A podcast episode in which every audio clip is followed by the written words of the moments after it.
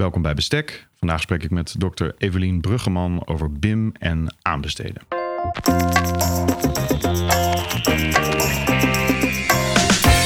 Welkom bij Bestek, de podcast voor de aanbestedingswereld. Deze serie biedt inzicht in onderzoek. Meester Dr. Willem Jansen van de Universiteit Utrecht bediscussieert de uitdagingen van het aanbestedingsrecht. Samen met zijn gasten gaat hij voor u op zoek naar oplossingen. Dit is Bestek, de aanbestedingspodcast. BIM, BIMmen, Building Information Modeling. Het wordt al een tijdje aangekondigd als de toekomst voor samenwerking in de bouw. 3D-samenwerking, dat wel, over grote en kleine projecten.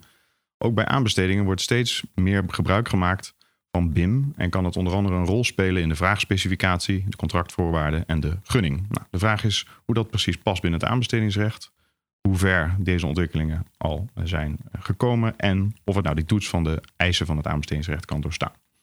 Vandaag spreek ik met meester Dr. Evelien Bruggeman, directeur van het Instituut voor Bouwrecht. Zij is gespecialiseerd in het privaatrechtelijk bouwrecht. En zij schreef in 2018 wel geteld drie artikelen in het tijdschrift voor bouwrecht over BIM en de relatie met het recht, waaronder het aanbestedingsrecht. Nou, uh, en de, die artikelen die, die, die hebben allemaal een soortgelijke titel, in ieder geval het aanbesteden van een opdracht met een BIM-component. Um, en deel 1 gaat dan vooral over de vraagspecificatie. Deel 2 over die contractvoorwaarden en het gebruik van BIM-modellen en een BIM-data room. En ook een toetsing aan die eisen van het aanbestedingsrecht. En uh, deel 3 gaat vooral ook over het uitvoeringsplan als onderdeel van de gunning. Nou, als uh, wetenschapper uh, lijkt me dus aardig wat te kunnen schrijven over dit, dit onderwerp. Tijd voor een podcast dus. Welkom Evelien. Dankjewel Willem. Nou, goed om elkaar te spreken vanochtend over, uh, over BIM. Maar laten we, voordat we starten, ik moet je denk ik feliciteren. Je bent de kerstverse directeur van het Instituut voor Bouwrecht. nogmaals felicitaties met deze mooie stap. wat ben je van plan om te gaan doen de komende jaren? En dat ik dan gelijk, voordat, voordat je antwoord mag geven, even een quote erin mag, mag schieten. Ik las in de COBouw, ik denk dat het interview kwam naar aanleiding van jouw nieuwe, nieuwe functie. En daar, stond, uh, daar reageerde jij op de vraag of de bouw gejuridificeerd is met het antwoord onzin. Er is toch bijna niets in het leven wat je kan doen zonder jurist. Uh, zelfs als je naar de Efteling gaat, zijn er al algemene voorwaarden. En dan vervolgens op de vraag of wij leven van fouten. Nee joh, wij helpen. Mag ik die eerst inschieten en dan, dan jou de, de, de, de, de vloer geven? Ja, nou ja, ik denk dat het wel goed weergeeft wat wij hier bij het instituut ook doen. Wij zijn hier niet om geschillen op te lossen, maar juist om uh, het recht en de mensen die te maken met het bouwrecht verder te helpen. En uh, om dan antwoord te geven op jouw vraag, uh, wat ga ik allemaal doen en wat ga ik anders doen? Ik ga niet, denk, niet zo heel veel anders doen. Wij zijn gewoon het instituut en dat heeft Monica prachtig neergezet. 22 jaar lang dat ze hier heeft gewerkt en wij gaan dat werk voortzetten. En uh, verder bouwen daarop als onafhankelijk wetenschappelijk instituut. Mooie publicaties uitgeven. Goed onderzoek doen. Mooie onderwijsbijeenkomsten organiseren. Dus daar gaan we mee verder. Klinkt, uh, klinkt hartstikke, hartstikke mooi. Um, laten we het gaan hebben over BIM. Uh, het was voor mij een, een pittig onderwerp om op in te lezen. Dus ik ben heel benieuwd naar, naar jouw gedachten gedachte vandaag. Um, en wellicht omdat BIM niet iets is waar mensen uh, dagelijks mee te maken hebben. Zeker als je niet werkzaam bent in de bouw. Um, laten we rustig beginnen. Hè? Uh, het staat in ieder geval voor Building Information Modeling, bouwwerk informatiemodellering, Building Information Models, bouwwerkinformatiemodellen. Nou goed, ik pak de Engelse en de Nederlandse versies. Ik heb ze overigens uit jouw publicaties gehaald, want daar start je mee hè, met een omschrijving van wat, uh, wat BIM nou precies is. Uh, en je zegt het is een informatiemodel voor en na de bouw en ook een samenwerkingsinstrument. Uh, maar wellicht kun jij daar iets meer over vertellen, over wat is het nou precies um, uh, voor de, en wat kan het wellicht betekenen voor de praktijk? Ja, wat is het nou precies? Dat is al heel ingewikkeld en zeker voor juristen. want er is niet precies één BIM of één manier van werken met BIM. En ik ben ook maar een jurist, dus ik probeer ook maar wat ik gehoord heb van technici te vertalen naar datgene wat juristen zouden moeten weten over BIM, wat voor hen van belang is voor het aanbestedingsrechtelijke kader of voor het contractuele kader. Uh, dus de manier waarop ik BIM beschrijf, is denk ik sowieso al een enigszins versimplificeerde vorm van BIM. Maar als ik. Ik moet eerlijk zeggen dat ik me ook niet altijd helemaal meer realiseer dat het voor heel veel mensen geen gesneden koek is. Dus dat ik er misschien soms wat snel doorheen ga. Ik voel me al iets beter nu, nu je dit, uh, deze kanttekening plaatst. Maar ga vooral door. Ja. Um, maar ik probeer het altijd uh, uh, zo uit te leggen. Je kan BIM zien als een, als een proces en BIM als product. En je kan BIM gebruiken om je ontwerp- en bouwproces vorm te geven. Maar je kan ook BIM modellen of BIM-data opleveren. Samen met het fysieke bouwwerk kun je ook digitale bouwwerken of data opleveren. Uh, en als je dat onderscheid enigszins in beeld hebt, is BIM misschien al iets beter te begrijpen. Uh, en dan kun je het ook uh, beter vormgeven in je aanbesteding en in je contractsfase. Als je weet waar je naar vraagt, vraag ik naar BIM als procestool, als ontwerptool, als middel om de samenwerking te bevorderen, of ben ik op zoek naar data of BIM-modellen om mijn uh, onderhoudssystemen up-to-date te houden voor het gebruik van mijn bouwwerken bijvoorbeeld. Uh, of zo, zoals Rijkswaterstaat, Rijkswaterstaat dat bijvoorbeeld doet, ben ik daar naar op zoek. En dat gezegd hebbende, het verschil tussen BIM als proces en BIM als product, is het voor de jurist denk ik ook van belang om te weten dat je BIM op heel veel verschillende manieren kunt gebruiken. Dus zowel in het proces als als product. Dus het ene BIM is echt het andere BIM niet. En dat geldt zowel in Nederland, maar ook internationaal.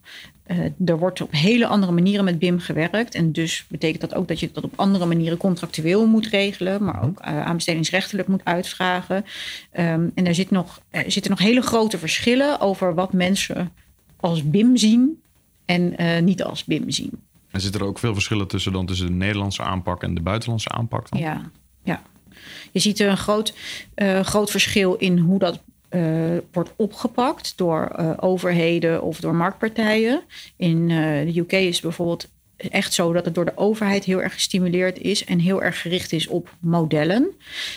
Terwijl wij hier in Nederland grote opdrachtgevers hebben die dat zelf uitvogelen. Niet van een, een grote overstijgende beweging zeg maar, vanuit de overheid uh, uit. Maar zelf bedenken van, zoals bijvoorbeeld Rijkswaterstaat of het Rijksvastgoedbedrijf, van wat willen wij nou weten?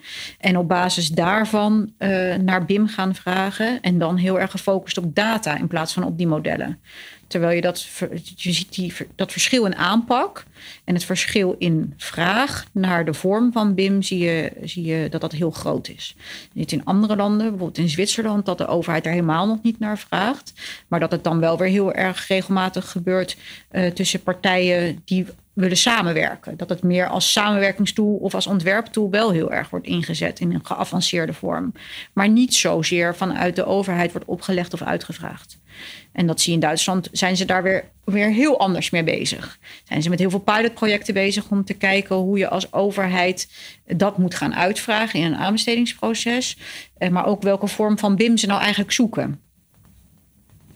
Right. Je noemde al wat, uh, of je begon bijna met het noemen van wat, wat voorbeelden, wat concrete toepassingsgevallen, ook uit Nederland. Um, uh, Rijkswaterstaat, het Rijksvastgoedbedrijf en de woningcorporaties zijn er, zijn er al mee bezig. Zou je eens een concreet voorbeeld kunnen, kunnen noemen van, uh, van een toepassing van, van BIM? Nou, wat je bij die uh, organisaties eigenlijk allemaal ziet, misschien bij het Rijksvastgoedbedrijf op dit moment nog ietsje minder. Die zijn nog wat zoekende, denk ik, als ik dat goed heb gezien. Maar Rijkswaterstaat vooral uh, focust heel erg op data. En dat, dat doen ze dan voor hun, ja, dat noemen we dan asset management en maintenance. In dat kader proberen zij hun databases te vullen. En zij gebruiken heel veel open BIM-standaarden. Uh, om die data uh, vorm te geven en te kunnen ja, transporteren tussen de ene database en de andere database. Maar zij maken ook hun eigen BIM-producten, ja, laat ik het zo maar noemen. Uh, en proberen op die manier te ontdekken welke data ze nodig hebben en op welke manier ze dat willen, willen opslaan. En zij zijn eigenlijk heel ver al in dat denken, uh, in de techniek zowel als in het uitvragen.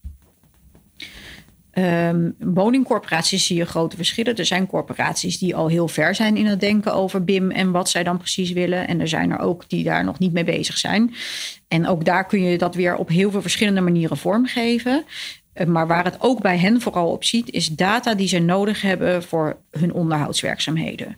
En ik geef altijd als voorbeeld, als mensen die wel eens een cursus van mij hebben gevolgd, hebben dit vaker gehoord. Uh, zij willen gewoon weten hoeveel ramen zij hebben uh, op het zuiden, hoe vaak die geschilderd zijn. Uh, en hoeveel op het noorden en hoe vaak die geschilderd zijn. Zodat zij, ja, zijn corporaties noemen dat dan precisieonderhoud kunnen uitvoeren. En dat ze daar hun hele financiële huishouding heel goed op kunnen afstemmen. En op het moment dat ze dus al die data hebben verzameld, kunnen ze dus ook heel makkelijk weer een uitvraag doen. Dus eigenlijk gaan we uh, van een soort van AutoCAD-situatie in 2D. Wat denk ik iets, iets, is wat ontstaan in de jaren 70, 80, help me even. Ja, maar AutoCAD is echt een ontwerp-tool. Ja. En, en in dit geval wordt BIM dan, de voorbeelden die ik gaf, echt, echt een onderhoudstoel. Precies, dus eigenlijk de fase, fase daarna. Ja, ja precies. En dat, het voorbeeld van AutoCAD kan wel heel goed als je gebruikt, uh, als je BIM gebruikt als ontwerptool en samenwerkingstool. En dan ga je echt naar 3D ontwerpen. Maar die manier van werken met BIM zie je veel meer tussen architecten en constructeurs en installateurs echt in de ontwerpfase. Je ziet nu ook een beweging dat dat veel meer door aannemers uh, wordt gebruikt en overgenomen. En dat aannemers ook gaan vragen voor specifieke data of modellen, zodat zij hun eigen proces weer goed kunnen afstemmen. Maar dan zit je veel meer in de uitvoeringsfase, terwijl de grote opdrachtgevers veel meer na de oplevering zitten en in de onderhoudsfase en in de fase dat ze weer opnieuw willen gaan aanbesteden en die data nodig hebben om een goede uitvraag te kunnen doen. Ja. Nou, het is wel duidelijk, er zijn veel toepassingsmogelijkheden. Ehm, laten we eens gaan kijken naar, het recht, of in ieder geval een aantal van jouw conclusies. Wat ik wilde voorstellen is, ehm, ja, eh, om die drie artikelen eigenlijk te gebruiken om een aantal aspecten uit, uit te lichten. In jouw artikel zeg je, uh, en, ik, en, ik, citeer, het aanbesteden van een opdracht met een BIM-component, dan heb ik het over deel 1, inleiding en vraagspecificatie, stel je, het werken met BIM brengt organisatorische veranderingen met zich mee. Of met zich en vraagt van bouwactoren een andere benadering dan in het traditionele bouwproces. Het vraagt daardoor ook in juridisch opzicht enkele aanpassingen. Zowel contractueel als aanbestedingsrechtelijk is sprake van enkele nieuwe of andere aspecten of een verschuiving van accenten binnen het bestaande juridische kader. Nou, in die drie artikelen, ik noemde die aspecten die, die je al, uh, waar, waar je op ingaat: vraagspecificatie, contractvoorwaarden, informatiedeling en gunning. Nou, allemaal aspecten die te maken hebben met een aanbesteding hè, in verschillende fases. En ik wilde eigenlijk voorstellen om deze onderwerpen te gebruiken om nog eens wat van jouw conclusies uh, uit te lichten. Um, om te beginnen met die vraagspecificatie. Je stelt in, als conclusie, samengevat kan daaruit worden geconcludeerd dat, evenals BIM zelf, de digitale vraagspecificatie ook in verschillende vormen en met verschillende inhoud kunnen worden vormgegeven en dus blijkens de praktijkvoorbeelden ook zijn vormgegeven. Nou, veel verschillende vormen, ik noemde het net al, uh, ook ten aanzien van die vraagspecificatie. Maar hoe speelt dat nou precies een rol in, in bij BIM? -hmm. um, ik, ik, kijk nu dan even heel specifiek naar het, het, BIM als product. Dus de data die bij oplevering of het model die bij oplevering ook moet worden geleverd. En dat is wat je dan gaat vragen bij een aanbesteding in een digitale vraagspecificatie. En ik probeer het altijd zo uit te leggen. We hebben het uh, programma van eisen voor het fysieke bouwwerk. En daarnaast hebben we een programma van eisen voor het digitale bouwwerk of de, ja, de data, zeg maar, de digitale data. Uh, en uh, in je PVE staan de eisen voor het fysieke bouwwerk. En je noemt een digitaal, digitale vraagspecificatie een ILS, een informatieleveringsspecificatie. En daarin staan je digitale eisen. Die moet je op een bepaalde manier vormgeven om te zorgen dat jij bij oplevering datgene krijgt wat jij wil krijgen. En er zijn dus grote opdrachtgevers die daar al heel erg over nagedacht hebben en uh, hun eigen ILS'en hanteren. Uh, in Groot-Brittannië wordt bijvoorbeeld ook uh, gewerkt met bepaalde ja, EIR's, noemen ze dat daar.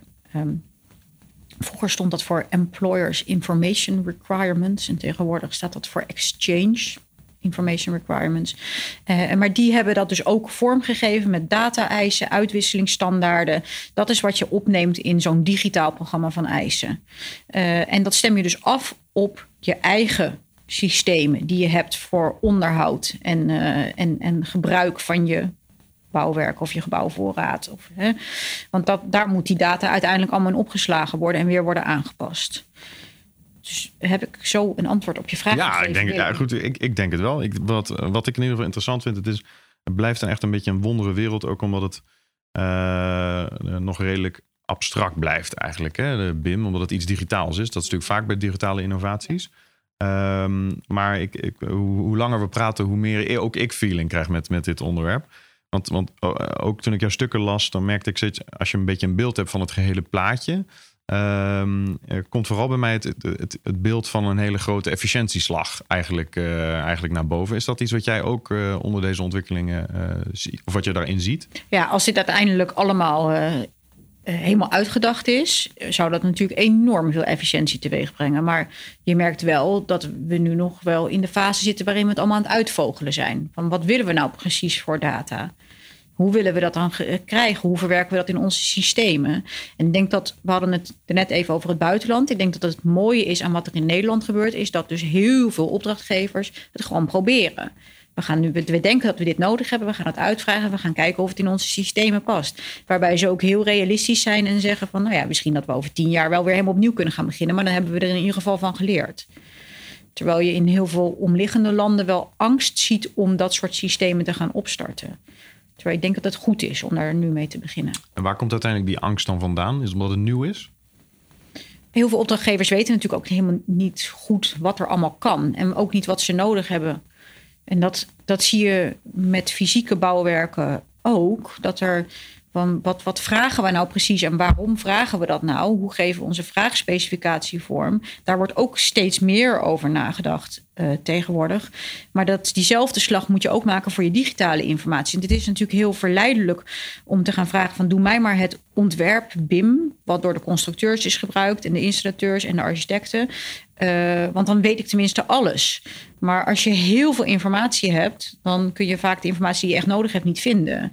Dus daar moet bewust over worden nagedacht. En dat gebeurt denk ik ook heel erg veel bij grote opdrachtgevers. Van nou, wat hebben wij nou echt nodig? En hoe willen we dat dan aangeleverd hebben, zodat we het ook kunnen doorzoeken en dat we het ook terug kunnen vinden. Ja, dus data aan zich is niet, uh, niet heilig. Je moet er ook iets mee kunnen doen, denk ik uiteindelijk. Ja, ja. Laten we naar die contractvoorwaarden gaan. Hè? Dus we lopen, we lopen steeds een stukje, uh, eigenlijk door jouw publicaties heen, maar ook langs verschillende aspecten van het aanbestedingsproces. En laat ik wederom starten met een, uh, van jouw conclusies uit deel 2 van die driedelige saga waar, waar ik het over had. De aanbesteding van een BIM-vraag, of dit nu zuivere BIM-data of een klassiek BIM-model betreft, vraagt meestal ook een aanpassing van de contractvoorwaarden. Waar moet ik dan aan denken? Wat voor wijzigingen zouden er plaats moeten vinden in die contractvoorwaarden? Nou, wat je nu al ziet, is dat er natuurlijk digitale eisen bij komen. Dus soms wordt zo'n digitale vraagspecificatie, zo'n ILS, wordt een annex bij het contract. Uh, maar daar kun je nog veel meer aan koppelen. Dus je kunt ook een opleveringsmoment regelen waarop de data geleverd worden. En dat gebeurt ook. Of tussentijdse leveringen van data gedurende het bouwproces of gedurende het onderhoudsproces. Uh, dat, moet je, dat moet je allemaal afspreken, dan moet je overeenkomen. Dan kun je nog dat je daar nog veel meer aan gaat koppelen. Uh, boete bedingen omdat data niet geleverd is of omdat data niet correct geleverd is. Nou, dat zijn denk ik heel globaal dingen waar je aan kunt denken bij het leveren van data en waar je iets moet veranderen. Je kunt ook na gaan denken over hoe je dat contractueel nu vormgeeft. Want de UAV kent eigenlijk geen ontwerpcomponent. Ehm, dus hoe ga je dan eisen die eigenlijk betrekking hebben op die uitvoeringsfase die je niet hebt geregeld, uh, vormgeven? Dan moet er een bijlage bij het bestek worden. Dan ga je gaat iets extra's vragen van zo'n aannemer. Ga je hem daar ook voor betalen? Um, nou ja, zo zijn er allemaal dingen, hele praktische uitwerkingen. Uh, van, van kan ik het vragen aan deze aannemer? Hoe gaat hij het mij dan leveren? Op welk moment gaat hij het mij leveren? En hoe geef ik dat contractueel vorm? Nou ja, zo, zo kun je dat voor allerlei eh, contractsvormen wel bedenken. Zouden we dan het, je, je noemde net het UAV, zouden we daar iets in moeten aanpassen? Naar aanleiding van deze ontwikkelingen? Nou, ik denk niet meteen in de UAV nu. Het hangt ook weer heel erg vanaf wat je vraagt bij zo'n UAV. En als jij data gaat vragen, dat is wat er nu wel gebeurt met een UAV, dat er wordt gevraagd om, uh, om bepaalde ehm, documenten of keuringen of om dat digitaal aan te leveren of op een andere manier aan te leveren. Niet alleen een pdfje digitaal, maar ook anders. Uh, wat er nu gebeurt is dat dat vaak een bijlage bij het bestek is. Nou ja, dat kan prima. Ja, oké. Okay. Dus niet, niet direct nu reden voor, voor, voor aanpassing? Nee, nog niet. Nee. Dat is soms ook fijn hè, dat het niet altijd allemaal anders moet. Um, ik wil door naar uh, informatiedeling. Je zegt... Uh, in een van je artikelen zeg je een ander aspect met betrekking tot BIM dat een rol kan spelen in de aanbestedingsfase, is het door de opdrachtgever beschikbaar stellen van al aanwezige BIM-informatie. Of andersoortige digitale informatie, bijvoorbeeld in de vorm van BIM-data of BIM-modellen of een complete uh, BIM-dataroom. Nou, toen ik het las, toen dacht ik, Oh, dat is wel interessant, want het kan data natuurlijk weer verder inzichtelijk maken. Je kunt data koppelen. Uh, zie je ook risico's daaraan ten aanzien van bijvoorbeeld vertrouwelijkheid in het aanbestedingsproces? Ik, ik, denk dat als je het benadert uh, alsof het klassieke informatie is, je gaat als opdrachtgever informatie delen, maar nu alleen in een andere vorm, dat er niet zo heel veel anders is. Want ga je nou heel veel extra's of meer delen met een opdrachtnemer dan je anders zou doen? Dat is zeer de vraag. Uh, en als je het doet, moet je je afvragen of dat nou gaat helpen in je hele aanbestedingsproces.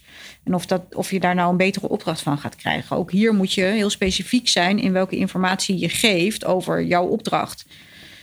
Uh, dus dat is niet anders dan dat je dat op papier doet of digitaal. Mhm. Het enige is denk ik dat je het digitaal veel beter kunt, uh, sneller kunt verwerken en gebruiken. Daar kleeft natuurlijk wel een gevaar aan als je echt gaat kijken naar BIM-modellen. En je gaat die beschikbaar stellen bij de aanbestedings, in de aanbestedingsstukken of in de aanbestedingsfase. Want als je gewoon data gaat leveren, waarbij je zegt van nou ja, we hebben te maken met zoveel kilometer wegdek en er moet ongeveer zoveel op. En dat hebben we allemaal al eerder uitgevogeld in eerdere processen. En je hebt, je, dan, dan heb je heel precieze informatie. Op het moment dat je uh, BIM-modellen gaat leveren, dan kun je met een model eigenlijk meer dan je met een 2D-tekening zou kunnen. Want bij een 2D-tekening kun je op een gegeven moment niet meer verder inzoomen. Terwijl bij een model bestaat het gevaar dat je dus nog dingen kunt gaan afleiden uit dat model waar dat model eigenlijk niet geschikt voor is. Omdat het nog een heel grofschalig model is, of het is voor een eerdere fase. Het is nog niet mhm. genoeg gedetailleerd uitgewerkt, maar een inschrijver gaat het wel gebruiken om bijvoorbeeld hoeveelheden te, te berekenen, terwijl dat model daar niet op gebouwd is. Uh, dat is het gevaar wat, daarbij, wat, wat er kleeft aan het ter beschikking stellen van modellen in de aanbestedingsfase. Maar ook dat kun je natuurlijk ondervangen door daar heel bewust mee om te gaan als opdrachtgever. Door duidelijk te maken waar dat model wel en niet voor geschikt is. Dus eigenlijk zeg je, uh, Willem, je ziet een beer op de weg die er niet is. En als die er wel is, kun je het, uh, kun je het in ieder geval goed ondervangen. Ja, ik denk dat je er als opdrachtgever wel. Ik weet niet of je, geen, of je beren op de weg ziet die er niet zijn. Misschien zijn die er wel, maar je moet er als opdrachtgever over nadenken. Uh, over, en dat moet je altijd over welke informatie je ter beschikking stelt. Als jij de beste inschrijving wil, dan moet je ook hele goede informatie geven. En dat geldt hier net zoals bij een bij normale, ja, bij normale aanbesteding. Ja. Maar interessant in die zin dat ik, uh, ik vraag me af of we dat door kunnen trekken eigenlijk naar de gunningsfase. Dat is het laatste, laatste aspect wat je, uh, wat je uitlicht. In, in deel 3 van jouw artikelenreeks bespreek je BIM als onderdeel van de gunning. Mhm. uh, in de vorm van een BIM-model of wederom een, een, uitvoeringsplan. En je doet suggesties hoe dat binnen het aanbestedingsrecht het beste een rol kan, kan spelen. zoals ja, je eigenlijk concludeer je dat het het meest voor de hand ligt om, wellicht te kiezen voor een subgunningscriterium binnen een aanbesteding op eh, beste prijs-kwaliteit, eh, waarbij die verhouding dan van belang is. Of dat het een rol speelt binnen een levenscyclus uh, kostenanalyse. zou je daar nog iets op ten aanzien kunnen toelichten? Nou, zeker in deze fase waarin we ons bevinden met BIM en de ontwikkelingen in BIM, denk ik dat het voor opdrachtgevers heel belangrijk is dat ze voor hun opdracht die bimmende partner uitkiezen die de vaardigheden beschikt waar ze naar op zoek zijn. En dat kan je natuurlijk doen met selectie, uh, maar dat kan je volgens mij ook heel goed doen met gunning. En dan zou je een, um, ja, dat noemen wij een BIM-uitvoeringsplan. En idealiter zit er in een BIM-uitvoeringsplan, uh, is dat uh, een, een, uitwerking van ehm, het proces wat wordt opgestart om tot de data-eisen of de BIM, het BIM-model te komen, wat uiteindelijk moet worden opgeleverd. Dus de vertaling van de eisen in het ILS, in het digitale PVE, vind je eh, terug in dat uitvoeringsplan. Dus hoe gaan wij komen tot het opleveren van die data aan het einde van de streep? Dat doen wij doordat wij een BIM-coördinator hebben. En die gaat op gezette tijden overleg voeren. En die maakt eh, plannen om alles te coördineren, om de leveranciersstromen en alle onderaannemers te coördineren met behulp van het BIM. En zo kun je dat hele proces eigenlijk vormgeven in zo'n uitvoeringsplan. En de manier of de wijze waarop dat uitvoeringsplan uh, wordt vormgegeven, zou je in de gunning kunnen meewegen. Zodat je gevoel krijgt of zo'n opdrachtnemer weet waar hij het over heeft als hij met BIM gaat werken.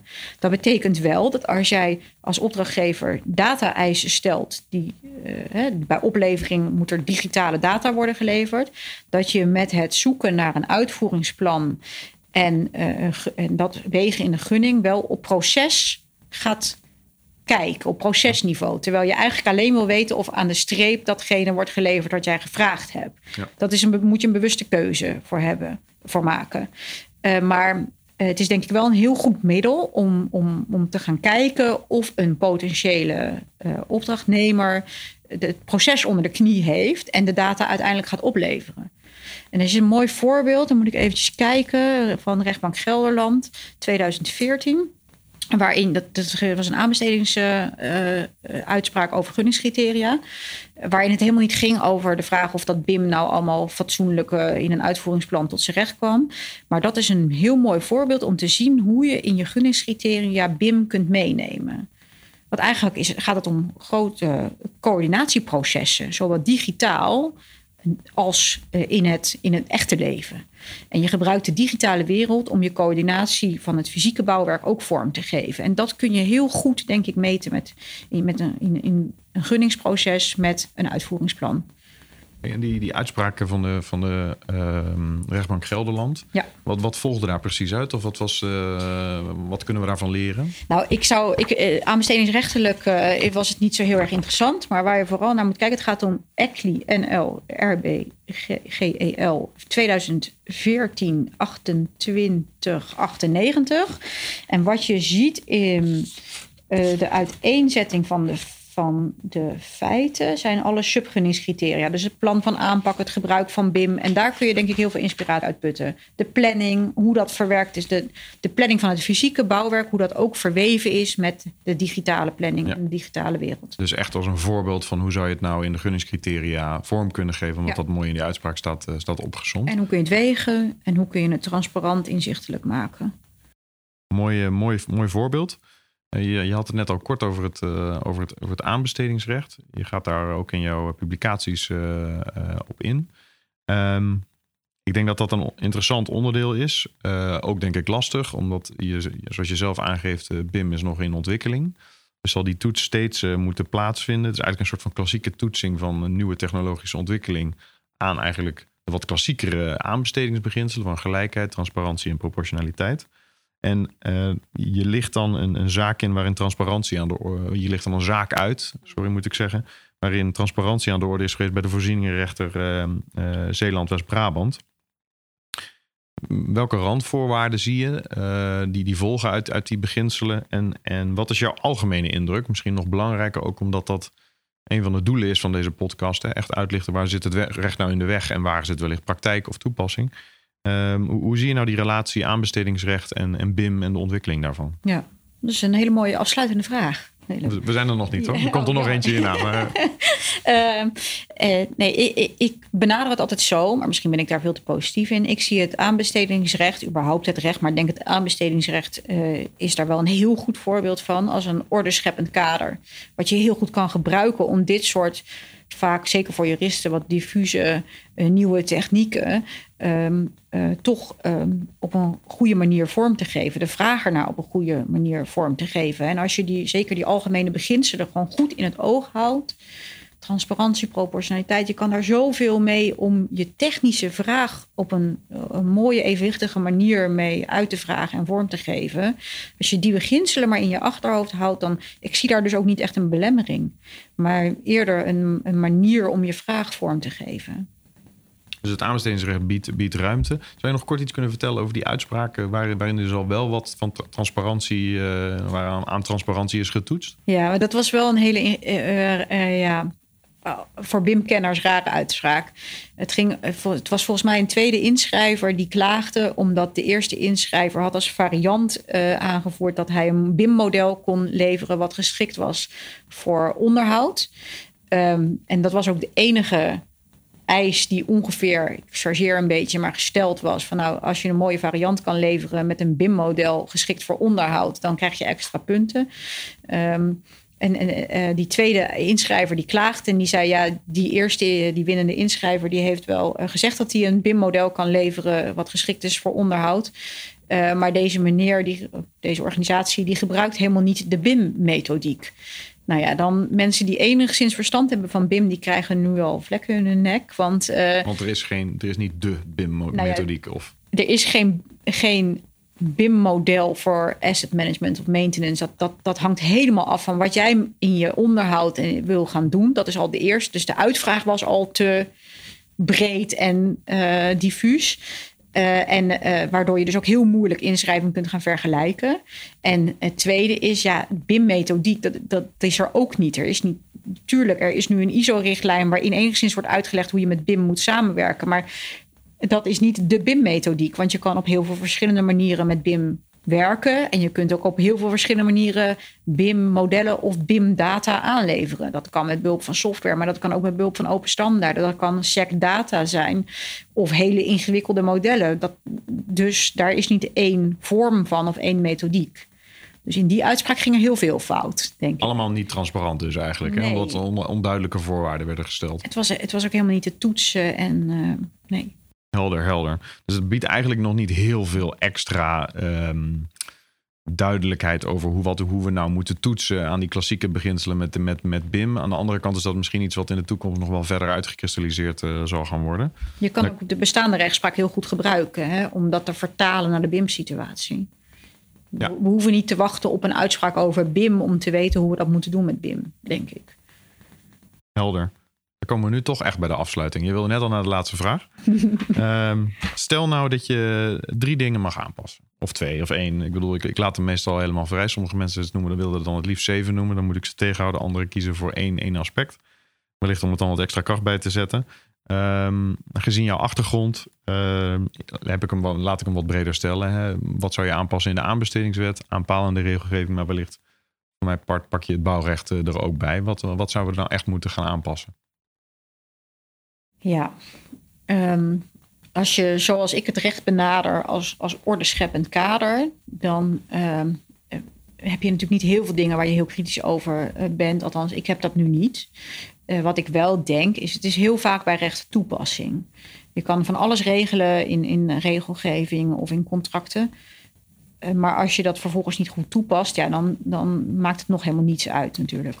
Uh, en ik denk dat het hem daar vaak aan schort. En als we kijken naar coördinatie van werkzaamheden, of we dat nou hebben over, over BIM, of we hebben het over uh, constructieve veiligheid of veiligheid op de bouwplaats.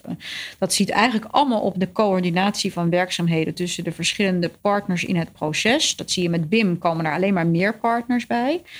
Kijk, en dat soort activiteiten kun je natuurlijk veel uh, beter vormgeven. Daar kun, kan nog wel wat verder over nagedacht worden. Over hoe we dat met concrete contractuele bepalingen nou uh, inrichten. Dat heeft te maken met proactief contracteren, goed met elkaar doorspreken wat we nou van elkaar verwachten. Dat heeft te maken met coördinatieverplichtingen bij de juiste mensen neerleggen, maar ze ook afdwingbaar maken.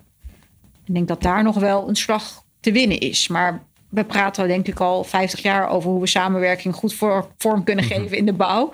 Dus hier zijn we voorlopig ook nog niet over uitgepraat. Maar dit is een concreet aspectje van die samenwerking waar we wel iets mee zouden kunnen, denk ik. Mooie, ontzettend mooie aanbeveling. Wellicht niet per se iets van aanpassing, maar nogmaals de nadruk op een oud probleem wat nog steeds niet is opgelost. Ook fijn om te horen dat het niet iets in het recht is. Hè? Wellicht zit het recht soms wel goed in elkaar en is het vooral de toepassing of de problemen die er gewoon tussen mensen of bedrijven spelen binnen zo'n samenwerking. Dus dat is een mooie, mooie manier om, uh, uh, om af te sluiten. Uh, voordat we dat doen, ehm, wil ik graag nog een, een uitnodiging de, de wereld inslingeren. In april ben ik van plan om een workshop te organiseren over podcasten in de wetenschap. Nou, mochten daar advocaten in geïnteresseerd zijn, ook ontzettend leuk. Um, de insteek van die workshop is echt om te gaan kijken van goh, hoe, hoe start je een podcast op? Uh, wat werkt wel, wat werkt niet. Uh, en zeker uh, met een focus op die juridische, juridische podcast. En nu we het daar toch over hebben, wil ik graag ook nog heel eventjes een andere podcast pluggen. Een, een, hele leuke podcast die net, net gestart is. maar wellicht kan, kan, kan jij daar iets meer over vertellen. Ja, wij hebben sinds kort ook zelf een podcast, de IDR-podcast. Ja, Ja. Mooi. Uh, en op dit moment doen we die alleen nog publiekrechtelijk. Dus we hebben een aantal mensen die daar heel enthousiast publiekrechtelijke actualiteiten bespreken. Uh, echt een soort tweegesprek is dat zo, of uh, soms met meerdere mensen. maar we hopen dat in de toekomst ook te doen voor het privaatrecht. Ontzettend, ontzettend leuk. Ik heb een eerste aflevering geluisterd. Ik geloof dat er nu één of twee online staan. Ja, het is één, één online en één is in aantocht. Ah, ja. kijk, hartstikke mooi. Uh, zeker, zeker een, een, een aanrader. Ik, ik, zei al tegen een van de makers of een, of een van de gasten in die podcast, Daan Kors, een oud collega van mij. Het podcastvirus begint zich echt te verspreiden. Hoe meer, hoe beter. Dus dat is ontzettend leuk. Maar daar wilde ik het bij laten. dit was Bestek, de aanbestedingspodcast. Dit was Bestek, de aanbestedingspodcast. Wilt u ook bijdragen aan de discussie over het aanbestedingsrecht? Deel dan uw gedachten over deze of andere afleveringen op LinkedIn of Twitter. Heeft u een idee voor een aflevering? Laat dan een bericht achter op www.aanbestedingspodcast.nl.